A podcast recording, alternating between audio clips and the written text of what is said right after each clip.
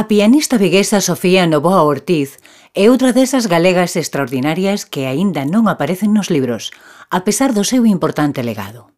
Ata hai ben pouco nesequera estaba recollido ese legado.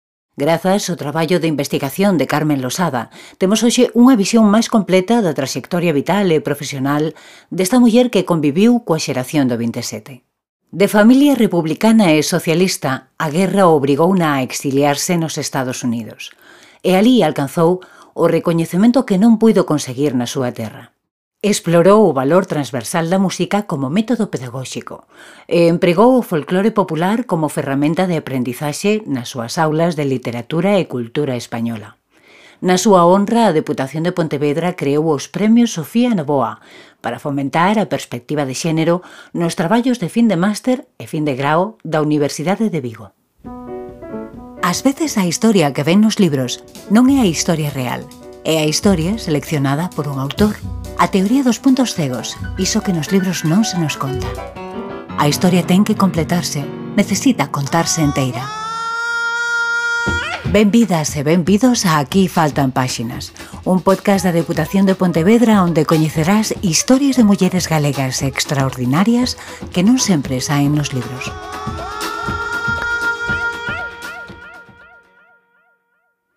Sofía Novoa Ortiz foi unha das mozas galegas que a comezos dos anos 20 do século pasado se trasladaron á residencia de señoritas dirixida por María de Maeztu. O seu pai, Joaquín Novoa Barros, dirixiu os pasos da súa filla coa esperanza de convertela nunha gran concertista de piano. Era un gran amante da música e estaba moi vinculado coa cultura da cidade. Foi un dos fundadores da Sociedade Filarmónica de Vigo e adoitaba escribir críticas literarias e musicais na prensa da época. Don Joaquín era xerente dunha consignataria viguesa e un activo político de esquerdas. Foi colaborador do xornal La Loita, amigo persoal de Pablo Iglesias, con quen encabezou manifestacións, e presidente da Conxunción Republicano Socialista de Vigo.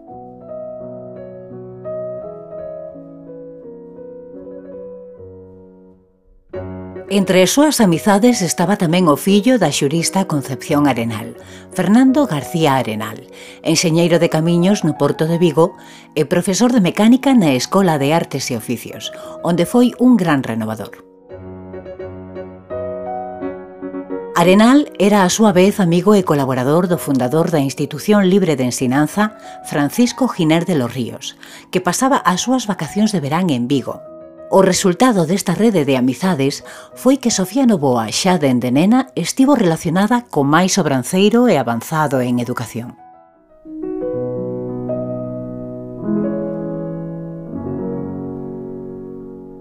En Vigo estuda o bacharelato e inicia a súa carreira musical co profesor Capel, con Mónico García de la Parra, director da banda municipal, e con María Luisa Sanjurjo, veciña e amiga da familia.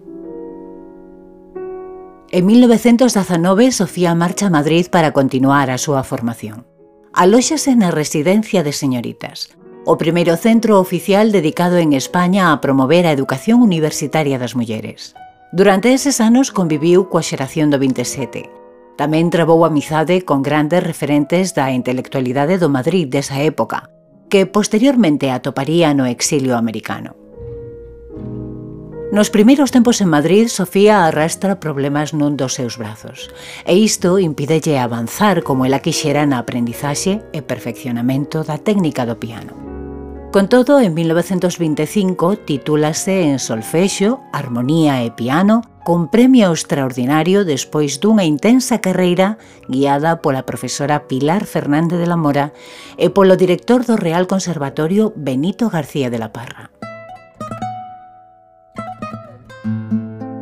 Logo, por conta da súa familia, viaxa a Lisboa para especializarse en técnica pianística e composición musical con Viana da Mota, Rei Colaso e Francisco de la Cerda.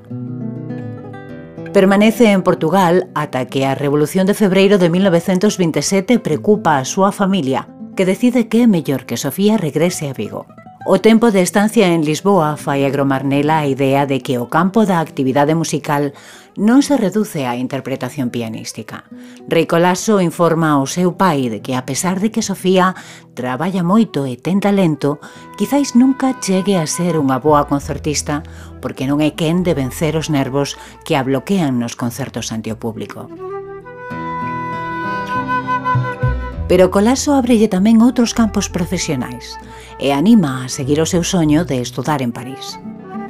A volta de Lisboa, Sofía queda retida en Vigo uns meses a causa do delicado estado de saúde da súa nai. E a finais de 1928 recibe a confirmación da concesión dunha bolsa de 3.000 pesetas da Deputación de Pontevedra. Sofía pode por fin realizar o seu soño. Marcha a París para ampliar estudos de piano co gran Alfred Cortot.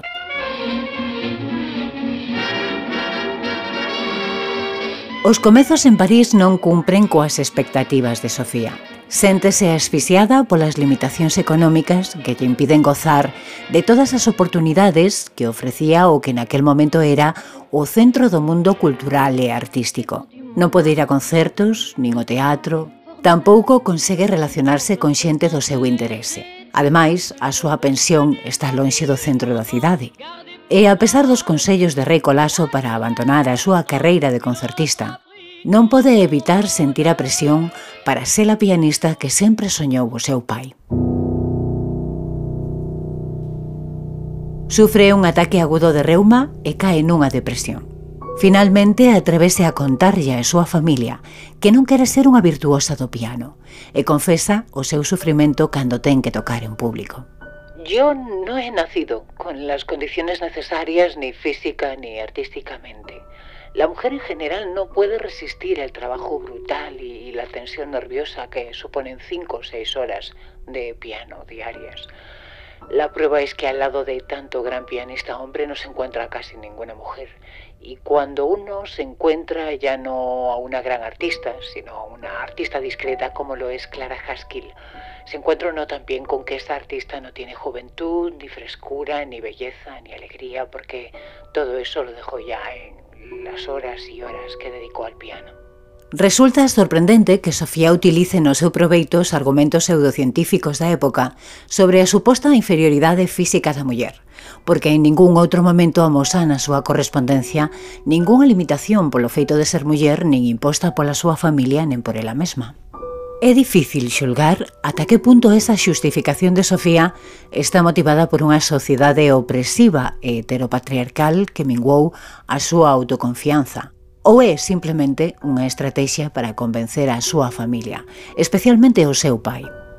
En todo caso, deixa claro que a interpretación nun escenario non é o seu proxecto de vida e que se ata agora traballara nesa dirección, fora únicamente para satisfacer o seu pai. Cuando el tocar delante de la gente no es un placer, sino una tortura. Si yo tengo que perder mi salud física y moral luchando por una cosa que si bien haría la felicidad de papá, jamás haría la mía. ¿Creéis que vale la pena perder todo eso por la vanidad que supondría el ponerme a tocar en un teatro y que aún no le aplaudan. Liberada da presión paterna, Sofía comeza a pensar en dedicarse á docencia. A chegada a París do seu antigo profesor de Lisboa, Francisco de la Cerda, modifica por completo o seu horizonte. Preséntalle a familias relacionadas coa cultura e ábrelle as portas da École Normal onde Sofía atopará compañeiras e compañeiros cos que compartir ideas, impresións e aficións, e tamén atopará un xeito diferente de abordar a aprendizaxe musical.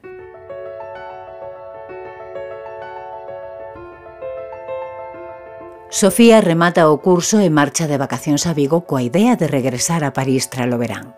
Pero de novo os problemas de saúde da súa nai reteñen a na cidade. Atopa consolo nos encontros con outras dúas grandes viguesas que tamén fan parte desta colección e que como a ela tiñan pasado pola enriquecedora experiencia da residencia de señoritas. Antonina Sanjurjo e sobre todo Olimpia Valencia, que se convertirá nunha grande amiga súa. E tamén nese intervalo, cando a Deputación de Pontevedra lle comunica a decisión de non concederlle a prórroga da pensión para continuar estudando en París. O tribunal xulga o seu traballo con certa hostilidade, algo que se repite coas outras dúas rapazas que optan a axuda. Faltaban aínda moitos anos para que as audicións a cegas conseguiran demostrar que as mulleres se son avaliadas en circunstancias de igualdade e sen prexuizos de xénero, conseguen ocupar postos nas orquestras máis importantes do mundo, igual que o fan os homes. Sofía regresa a París para continuar formándose co recursos familiares. Nesta segunda etapa medra a súa autoestima e continúa autoafirmándose ante o seu pai, inspirada pola súa mestra Nadia Boulanger, unha das mellores pedagogas musicais contemporáneas a quen admira profundamente. Con ela estuda Historia da Música, Armonía e Contrapunto. En París descubre tamén a rítmica dal cross, un método pedagóxico que a entusiasma e que lle abre novos horizontes cara a un futuro encamiñado ao ensino. Pon fin a súa etapa formativa en París e comeza a preparar o seu futuro profesional en Madrid. Proxecta realizar crítica musical periodística ou traducir o método para piano de Alfred Cortot, ideas que, unha vez en Madrid, non chegará a poñer en práctica. Tamén escribe a María de Maeztu e a outras persoas coñecidas para que a axuden a conseguir alumnas particulares e lugares onde impartir aulas de piano e comeza a buscar cancións infantís españolas para adaptar o método Dalcross ás súas aulas.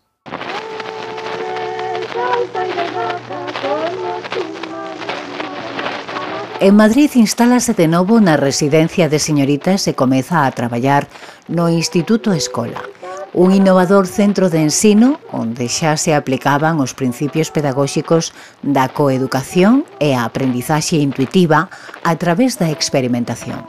Eran os momentos previos á proclamación da Segunda República, uns anos maravillosos para Sofía que atopou unha fantástica receptividade para o método pedagóxico de Alcross aprendido en París. Os nenos adoran as súas clases e comezan a chegarlle encargos. Entre eles unha colaboración con Rafael Alberti na que adapta pasos e trenzados de bailes populares. O seu interese pola música tradicional é unha constante que impregna as inclinacións musicais de Sofía ao longo da súa vida. Oh, me embora, me embora, mas non foi por roubar nada. Foi por la pluma, foi por Durante seis cursos imparte clases de música no Instituto Internacional, na Residencia de Señoritas e no Instituto Escola, onde a tamén galega Maruja Mayo, outra das protagonistas desta colección, daba clases de debuxo. Impartiu conferencias e presidiu a xunta directiva da Asociación de Alumnas da Residencia de Señoritas e contou sempre co apoio de María de Maeztu, moi ligada xa á súa familia, E a pesar de que houbo algúns conflictos entre elas, permaneceu sempre unha relación de lealdade. No 34, Sofía sente de novo nostalxia de París. Solicita unha bolsa á Xunta de Ampliación de Estudos para asistir aos cursos de verán de Nadia Boulanger, pero denegan ya. Mais en 1936, ante unha nova solicitude, obtén por fin unha pensión para pasar dous meses en París, Fontainebleau e Xenebra.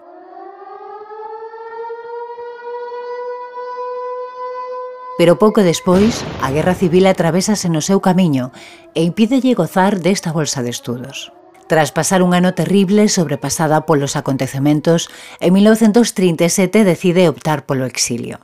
A súa traxectoria republicana e a da súa familia, xunto co feito de ser muller, non lle dan oportunidades para continuar a súa carreira en España.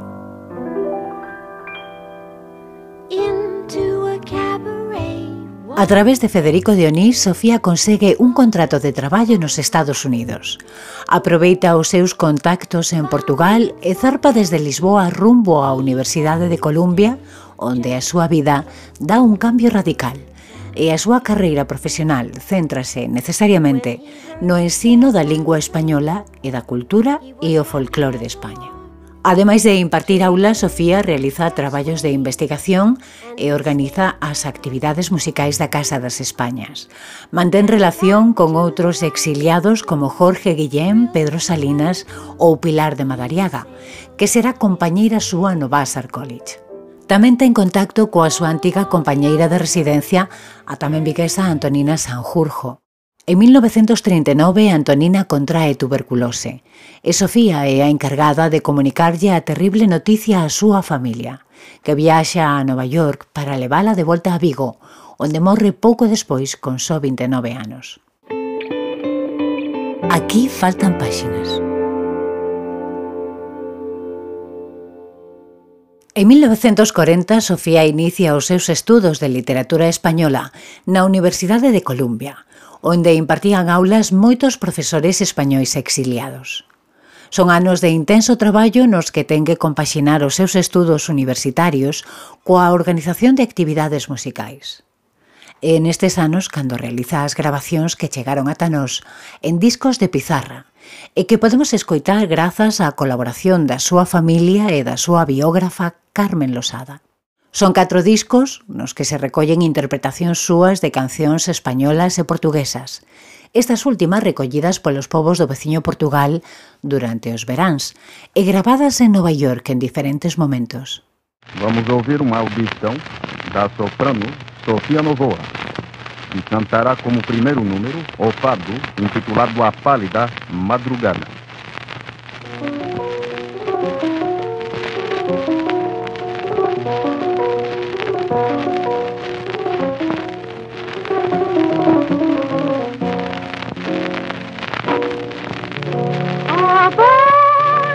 da madrugada Já saudade Sofía adoitaba cantar mentres tocaba o piano e dice que tamén bailaba extraordinariamente ben, ata o punto de que trataron de colocala nun nightclub como unha atracción especial de baile español. Pero ela non lle interesaba a actuación, o seu camiño estaba na docencia. En 1942 comeza a traballar no Departamento de Español do prestixioso Vassar College, un campus no medio da natureza aonde chega intoxicada de civilización e con ganas de fuxir do estilo de vida neoyorquino. Guitarra, miña guitarra. Coincidindo coa súa chegada a Basar, Sofía publica o único traballo musical que chegou ata nós, ademais das grabacións dos discos de Pizarra, Trátase dun caderno de cancións españolas e hispanoamericanas que Sofía concibe como ferramenta para a aprendizaxe da lingua española e que leva por título Cantares Españoles. Nel inclúe tamén recollidas galegas. Palmeira, miña palmeira, palmeira de Cantares Españoles compila 14 cancións tradicionais armonizadas e editadas por ela en 1942, utilizadas posiblemente nas súas clases no Vassar College e tamén nos cursos de verán que impartía en Vermont, os que Isabel García Lorca alude no seu libro Recuerdos míos. Todas las tardes en el campus, después de comer, se cantaban canciones populares. Sofía Novoa dirigía este pequeño coro y enseñaba también algunos bailes en un ambiente que parecía llevar, en seis semanas, lo mejor de España las montañas de Vermont. No Basar College tivo contacto con importantes persoeiros da cultura e da política estadounidense. Ali xurdiron as primeiras xeracións de mulleres para as que a formación significaba algo máis que un adorno persoal e o matrimonio non era o seu único obxectivo na vida. Unha das súas alumnas foi Jacqueline Bouvier apelido orixinal de quen anos despois se transformaría na primeira dama dos Estados Unidos, Jackie Kennedy. En 1949, Sofía consegue regresar a Madrid para defender a súa tese doutoral na Facultade de Filosofía e Letras da Complutense. Pero o seu lugar no mundo xa estaba ao outro lado do océano. As súas conviccións democráticas, sen dúbida, impedíanlle convivir coa ditadura franquista. Novastar College acadou o grado de profesor, equivalente ao de catedrática, e foi directora do Departamento de Español ata a súa xubilación en 1967. Tras o seu retiro, Sofía Novoa volveu a España. Instalouse en Madrid, aínda que pasaba os veráns en Vigo. Faleceu en 1987 e as súas cinzas repousan no panteón familiar do cemiterio de Cangas, cumprindo a súa vontade.